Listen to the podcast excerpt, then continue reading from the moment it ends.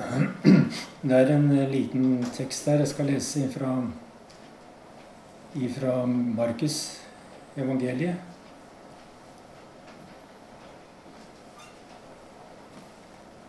Ifra vers 46 til 52.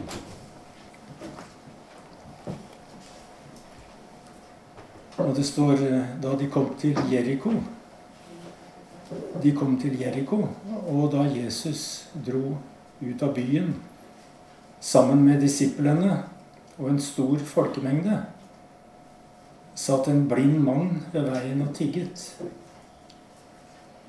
Han het Bartimius, sønn av Timius. Da han hørte at det var Jesus fra Nasaret som kom, satte han i å rope Jesus, du Davids sønn, ha barmhjertighet med meg. Og mange snakket strengt til ham og ba ham tie. Men da ropte han bare enda høyere.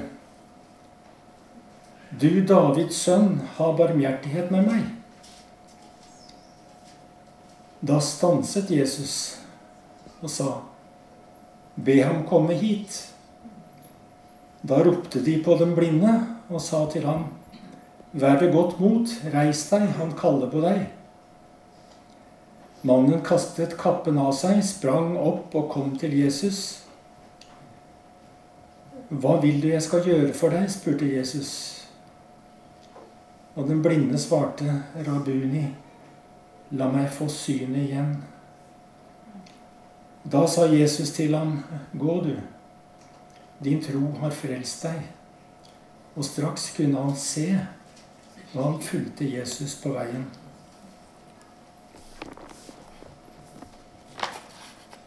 Jeg vet at dere har hørt denne beretningen mange ganger før.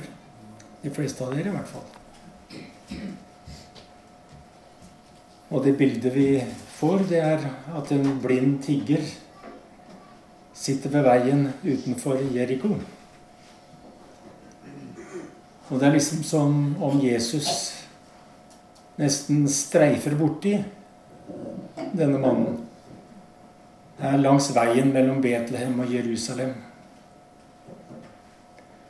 Og vi får til og med vite hva denne mannen heter. Han heter Bar Timius, som betyr sønn av Timius. Jeg forestiller meg i hvert fall at et liv ved veikanten som tigger gir et menneske mye tid til å tenke.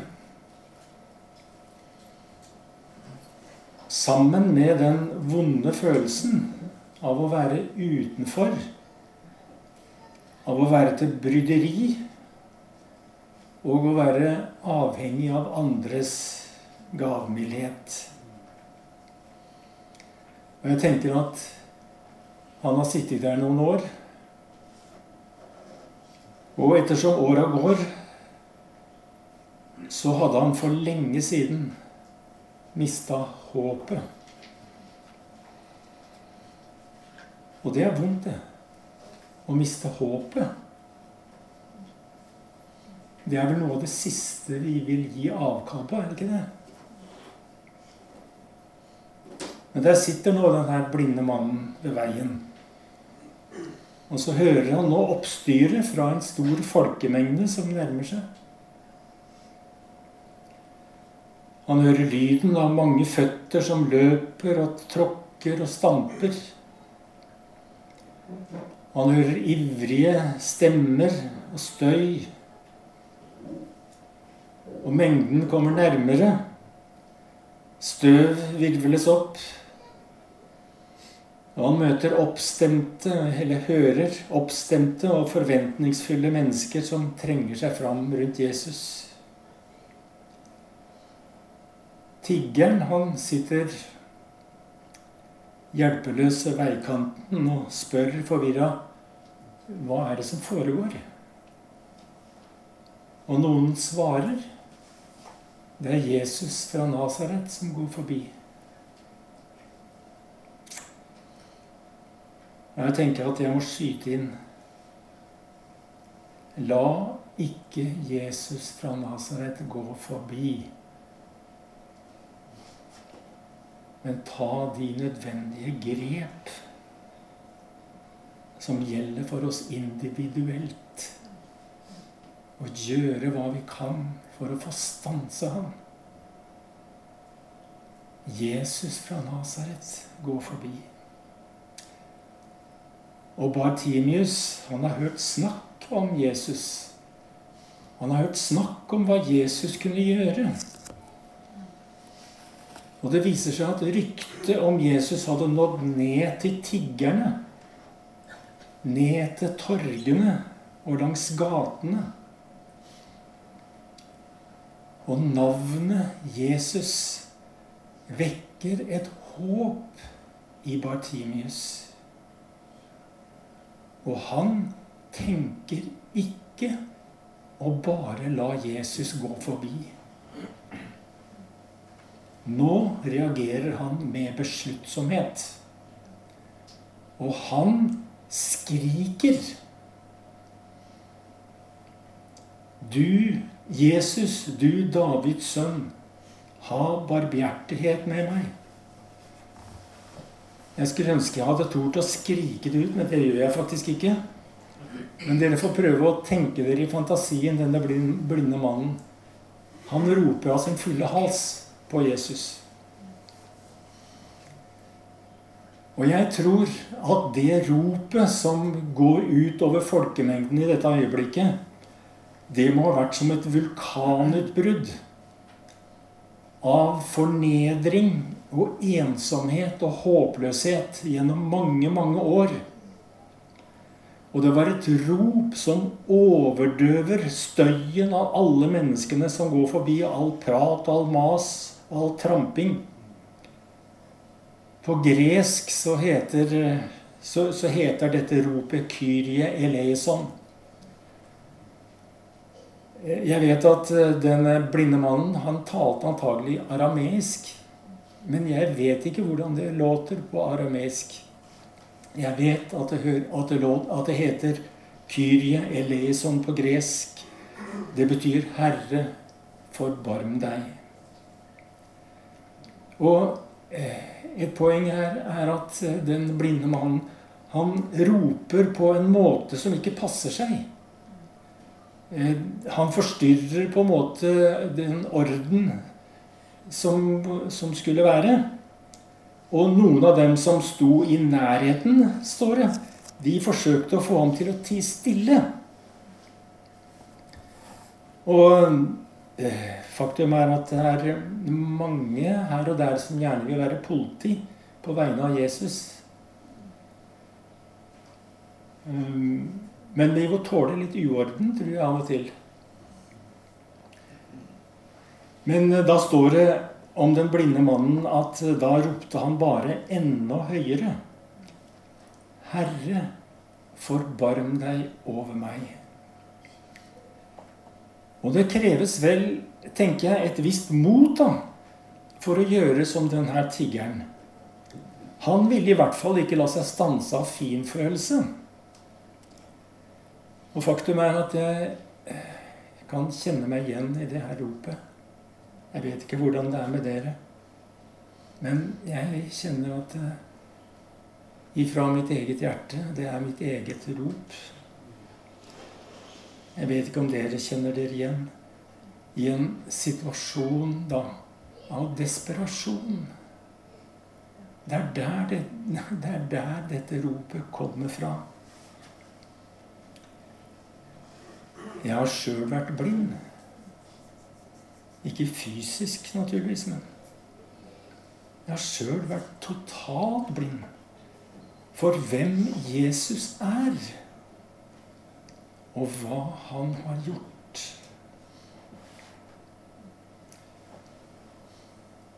Å rope til Jesus om barmhjertighet, det kan utløse en slags allmenn forargelse også den dag i dag. Det kjenner vi jo til.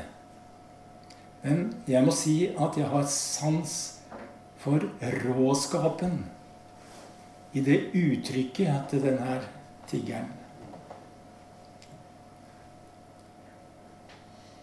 Jeg vet ikke, jeg syns det er fint å høre Kyrie eleison med Oslo Gospelkor, som sikkert alle har hørt. Eller å høre Kyrie eleison som en slags eh, gregoriansk hymne. Det er nydelig, det er vakkert. Men her om dagen så hørte jeg en svensk artist. Hun heter Sara Parkman. Og hennes, en av hennes singler heter 'Jag ropar'. Og hun Sara Parkman, altså. Hun ikke bare roper, hun skriker. Hun skriker Kyrie eleison med en råskap som ligner på denne tiggeren. Eller som ligner på Janis Joplin, for den saks skyld. Det kommer helt fra magen. Og jeg har sans for den råskapen. Jeg må si det. Og jeg kjenner igjen noe av denne desperasjonen fra mitt eget hjerte. Jeg vet hva det handler om. Og skriket til Bartimius, det når fram til Jesus. Jesus kunne ikke unngå å høre ropet gjennom larmen. Og så skjer det at Jesus stanser. Han stanser for det her desperate ropet. Og det gjør han også i dag. Jesus stanser for ropet om frelse og om ropet om nåde. Han stanser for ropet og behovet for barmhjertighet.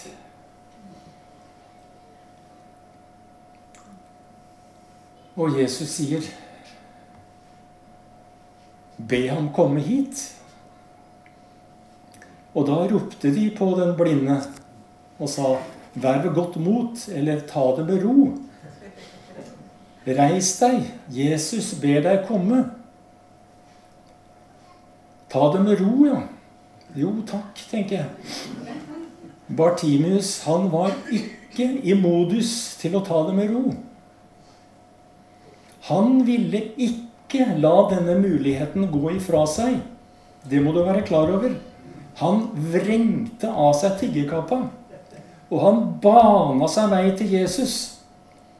Og der han baner seg vei til Jesus gjennom folkemengden, så lyste det noe i øyet hans. Og det som lyste i øyet hans, var håp. Håp. Og Jesus spør, 'Hva vil du jeg skal gjøre for deg?' For et spørsmål. Og den blinde svarte. Han svarte med all den frustrasjon som åra i fornedrelse ved veikanten hadde demma opp. Han svarte, 'Jeg vil se'. Og Jesus sa, Gå, du. Din tro har frelst deg. Og straks kunne han se, sier Bibelen, og han fulgte Jesus på veien. Det denne blinde mannen opplevde, var på en måte et ekko. Det var et ekko av den programerklæringa som Jesus proklamerer i kapittel 4 i Lukas evangeliet, da han sier Herrens ånd er over meg, for han har salvet meg til å forkynne et godt budskap for fattige. Han har sendt meg for å rope ut at fanger skal få frihet, og blinde for syn igjen, og for å sette undertrykte fri og rope ut et nådens år fra Herren.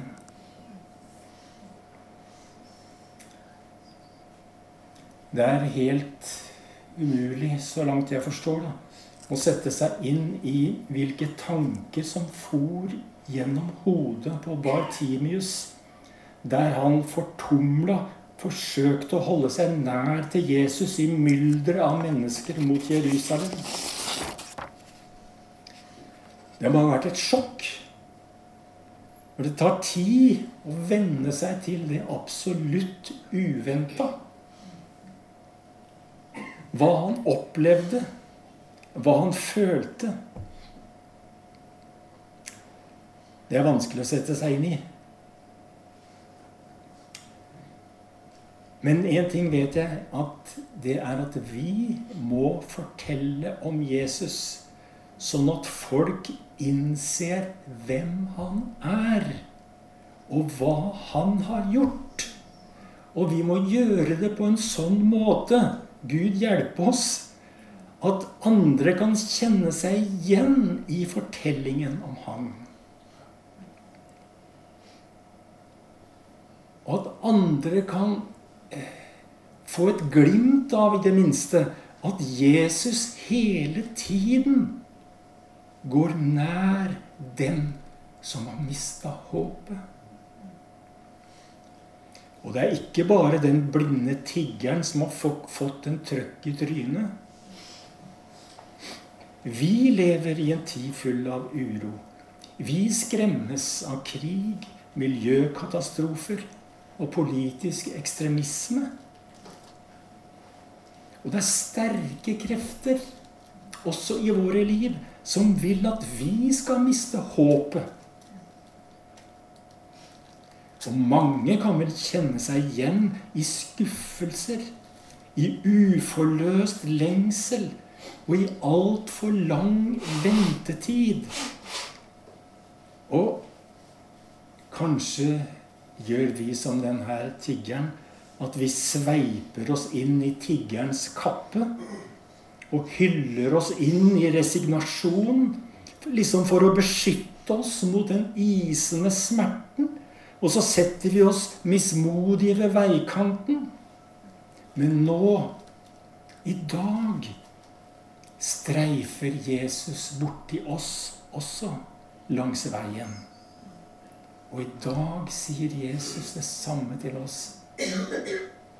Hva vil du jeg skal gjøre for deg? Og det er mange behov, bevar meg vel. Men Jesus sier til oss alle Kom til meg, alle dere som strever og bærer tunge byrder, og jeg vil gi dere hvile. Er du trett? Er du utbrent? Kanskje er du sliten på religionen? Kom til meg, sier Jesus. Gå med meg, så skal du finne fred. Og du skal komme deg på beina igjen. Jeg vil vise deg hvordan du kan få hvile. Jeg vil lære deg å leve i ubetinga nåde. Jeg, sier Jesus, vil ikke legge krav på deg eller forvente noe av deg som ikke føles rett for deg. Jeg vil ikke presse deg inn i noe som du ikke er komfortabel med. Jeg vil lære deg å leve i frihet, og jeg vil lære deg å være deg sjøl. La meg undervise deg, sier Jesus. Jeg er mild og ydmyk av hjerte. Og sammen med meg kan du få hvile ut. Dere som har lest i Bibelen, oppdager fort at Bibelen er full av frustrasjon. Det er mye frustrasjon i Bibelen. For Bibelen prøver ikke å gi et sminka versjon av menneskelivet.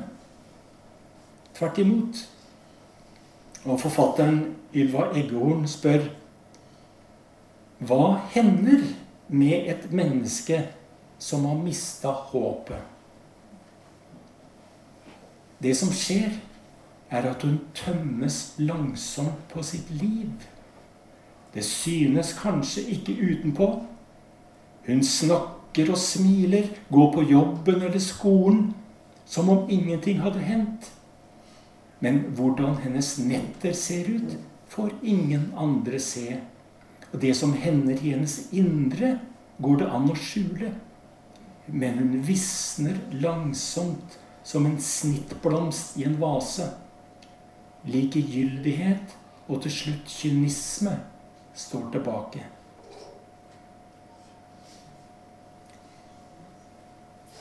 En av profetene i Det gamle testamentet gir et veldig sterkt uttrykk for sin fortvilelse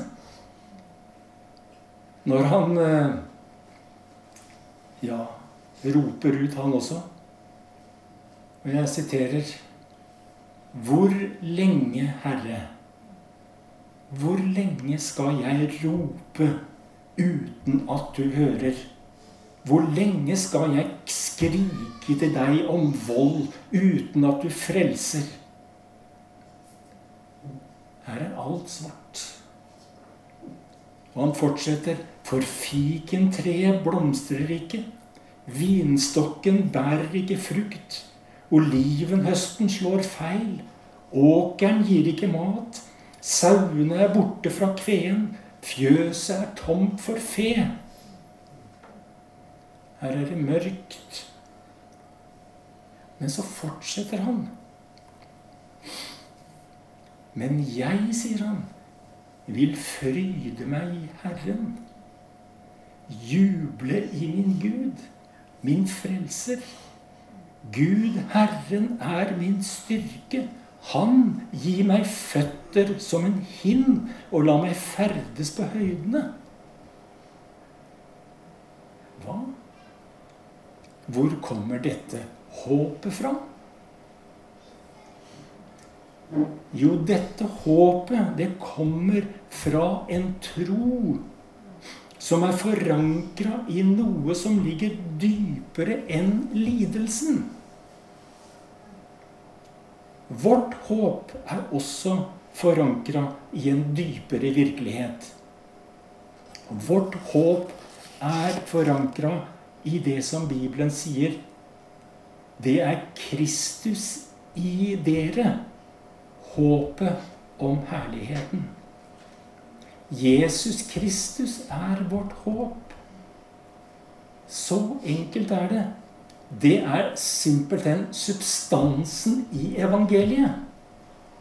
For den gaven Jesus har gitt til verden, er et levende håp. Et håp om dypest sett at den kommende verden en dag skal bryte igjennom. Se min tjener, som jeg har utvalgt, profeterer Jesaja. Til hans navn skal folkeslagene sette sitt håp.